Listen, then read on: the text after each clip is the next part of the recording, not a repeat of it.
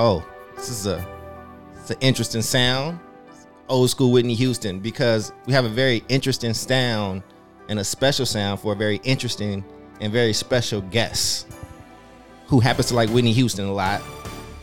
You are listening to Sobio Rants. Oh, we have to, we gotta let Miss Houston resonate for all of you to get you ready for this experience that you're about to have. Now, for those that are new to the Sobio Rants platform, in Oakland, we do these one-on-one conversations with leaders that are changing the lives of black folks. And sometimes they just need a space to just rant and just get stuff off their heart. And today we have the amazing Rachel Willis Henry. We're gonna hop into her story. We're gonna talk a little bit about some stuff and let her rant. She is currently the director, uh, parent organizer in Northern California for CCSA. Um, and I love this lady, man. I we started from the first time I started like working with her and being in rooms with her and her energy and the way she worked with parents, she's a beast. So, you know what I'm saying? So I am so, so happy to bring her in and we're gonna let this hook ride for her.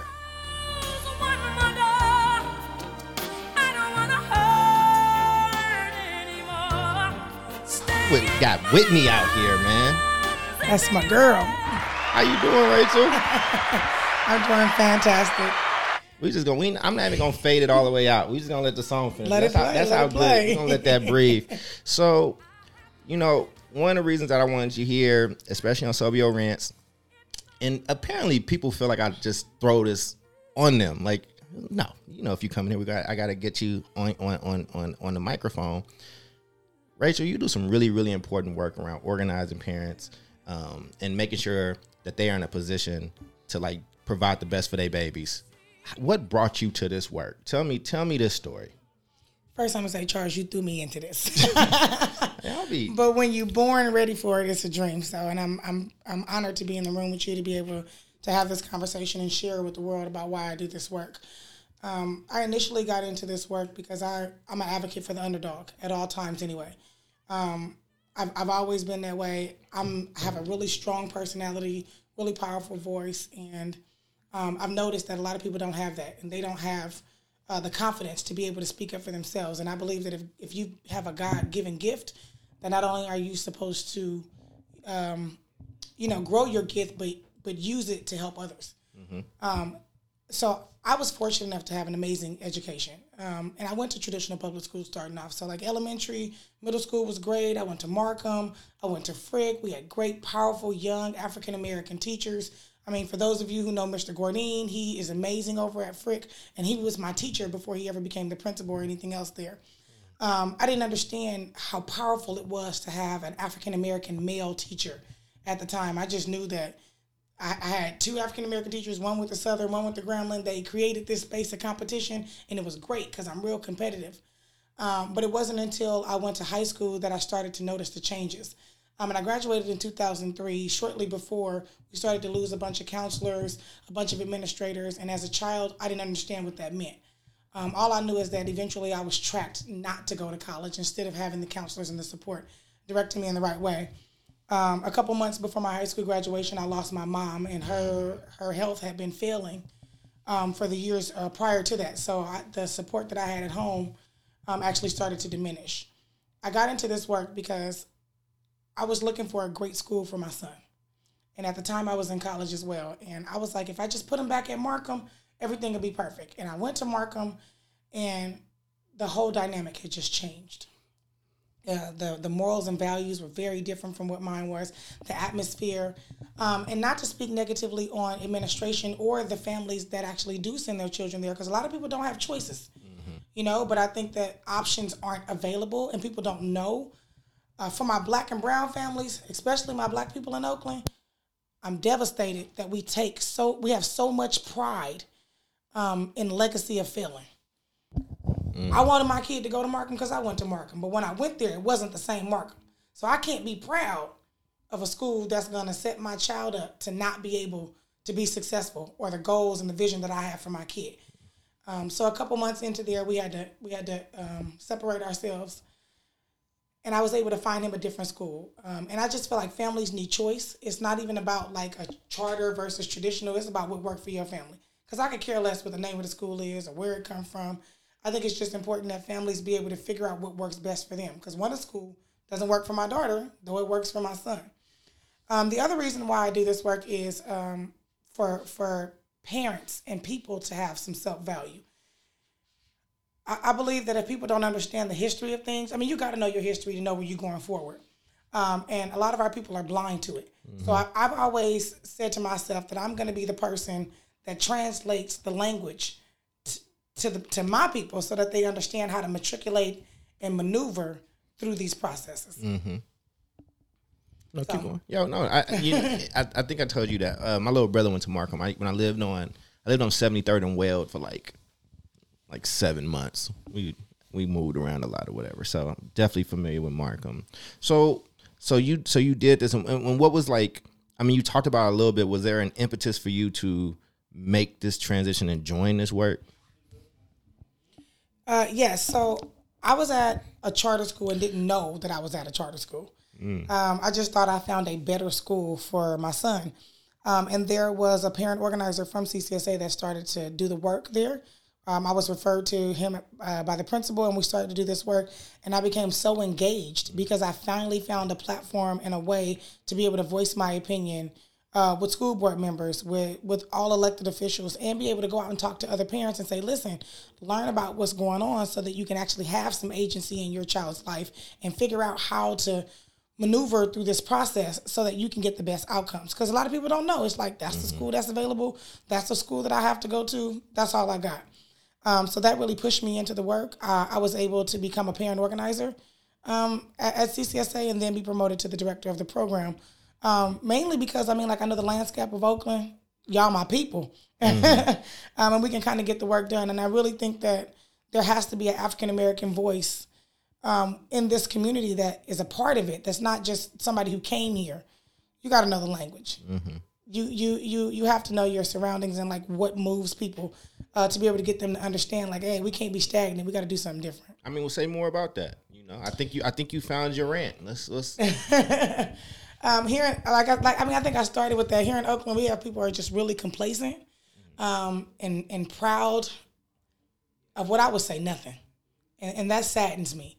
Uh, when I talked about, well, I've, I've, lost friends for being in this this advocacy work for quality education, and though I work for this organization, it's not about charter to me. It's about quality and like how can we push it to where families say, actually, this works for my child. My child needs this model. That model doesn't work.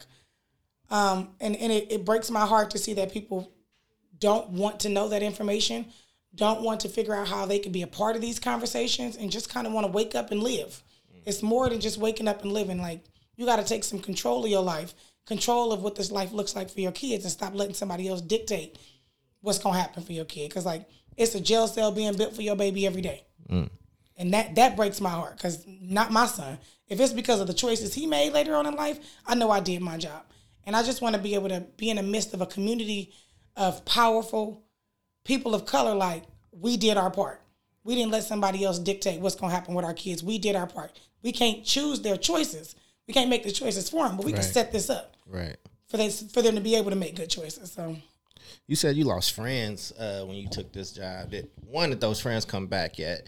And uh, two, I mean, what was that like? Like, what was what do you feel like was the impetus of that?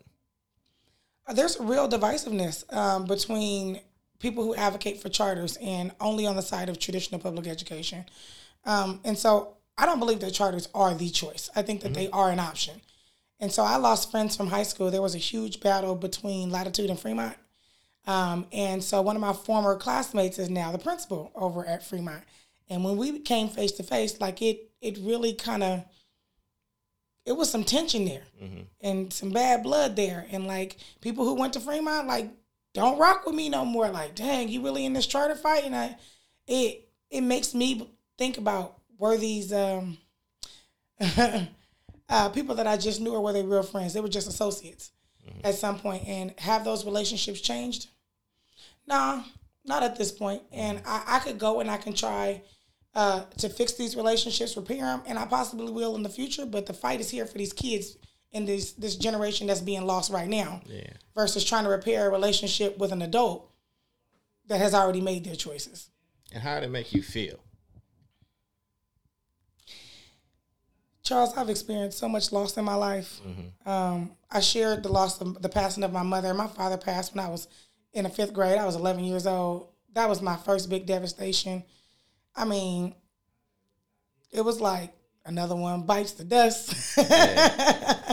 it's hurtful because I, I, I definitely want to come back as a community and repair those relationships. But at this point, in a, a great friend said this to me: "In war, there will be casualties." Mm. Yeah. And sometimes you got to figure out like, is it worth spending that much time into this, or do I just keep fighting the good fight and pray that the good people keep running with me? Right, right. I mean, I think that like you know, I- and I appreciate you even sharing that and just sharing a little bit about your story and what kind of got you here. Um, because I think so often in this fight or whatever you know people want to call it, I think it's a fight. I think some people don't think that it is, but I think the way that size or people get like dehumanized in it, right? And it's like you know what I'm saying? I just just listening to you, listening to like your experience growing up here, very similar to mine, um, and like really loving these schools and like loving these kids and loving our community, but also having a moment where you was like, yo, this this could be better. This ain't it. I deserve better, you know. And um, I just think it's really interesting, man. And and and, and I'm gonna actually, I, you know, we have traditional folks on, charter folks on, whatever, like people that ain't even in education. As long as you impacting Black people's lives, so.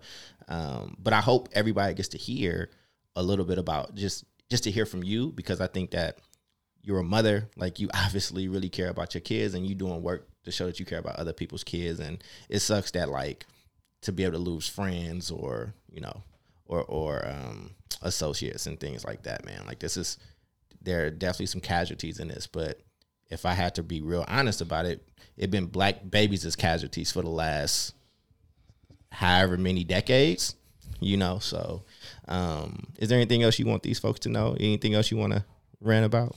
Yeah, I think we're at a place now where people are seeing that it's a war. And it's been a war, just like you said. And so when people st- start and begin to push urgency around this, um, it makes me feel like they're a little disconnected from the work because we should have been pushing urgency. We people have been a sta- in a state of crisis for generations here. Right. and I just I want to make sure that this fight is not about dollars and about people um, and about students. And so it doesn't matter what side you on. There there's only one side. right. It's these babies. Right. And if you're not fighting for kids, then you can't rock with me anyway. So friends, foe, associates, whatever you want to call yourself, if if we all in this good fight to push this work for kids, I don't care what walk of life life you come from, what angle you coming from. Let's just make sure that we create something better, like previous generations did their best to do for us.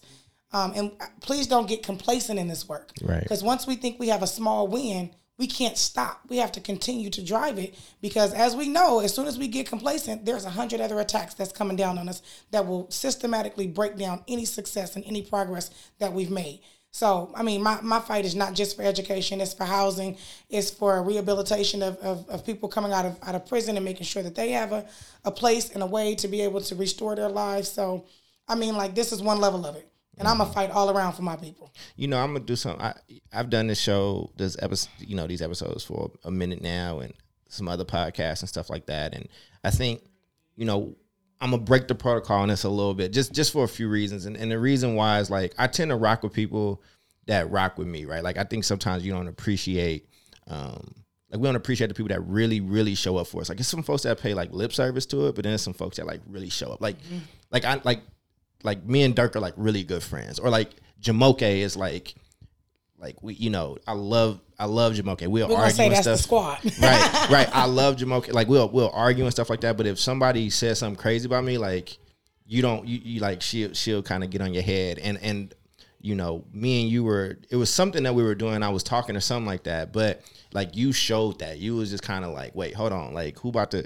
Let's see who about to say something when this brother speak. And I just wanted to, I just want to appreciate that. I think that I, I just want to pay some service to the way I think that black women protect black men. Um, and I think that we need to do a better job of doing it the other way around. But I just wanted to say that I like I saw that and I super appreciate that and it means a lot to me. In any way that I can be here for you, let me know. And on that, I want you to take folks out on is this something that you want parents do you that you want to leave parents that are listening with whether they traditional charter they got a baby that ain't in school yet but about to be like what what wisdom from from from Rachel can they have I got a couple things, right?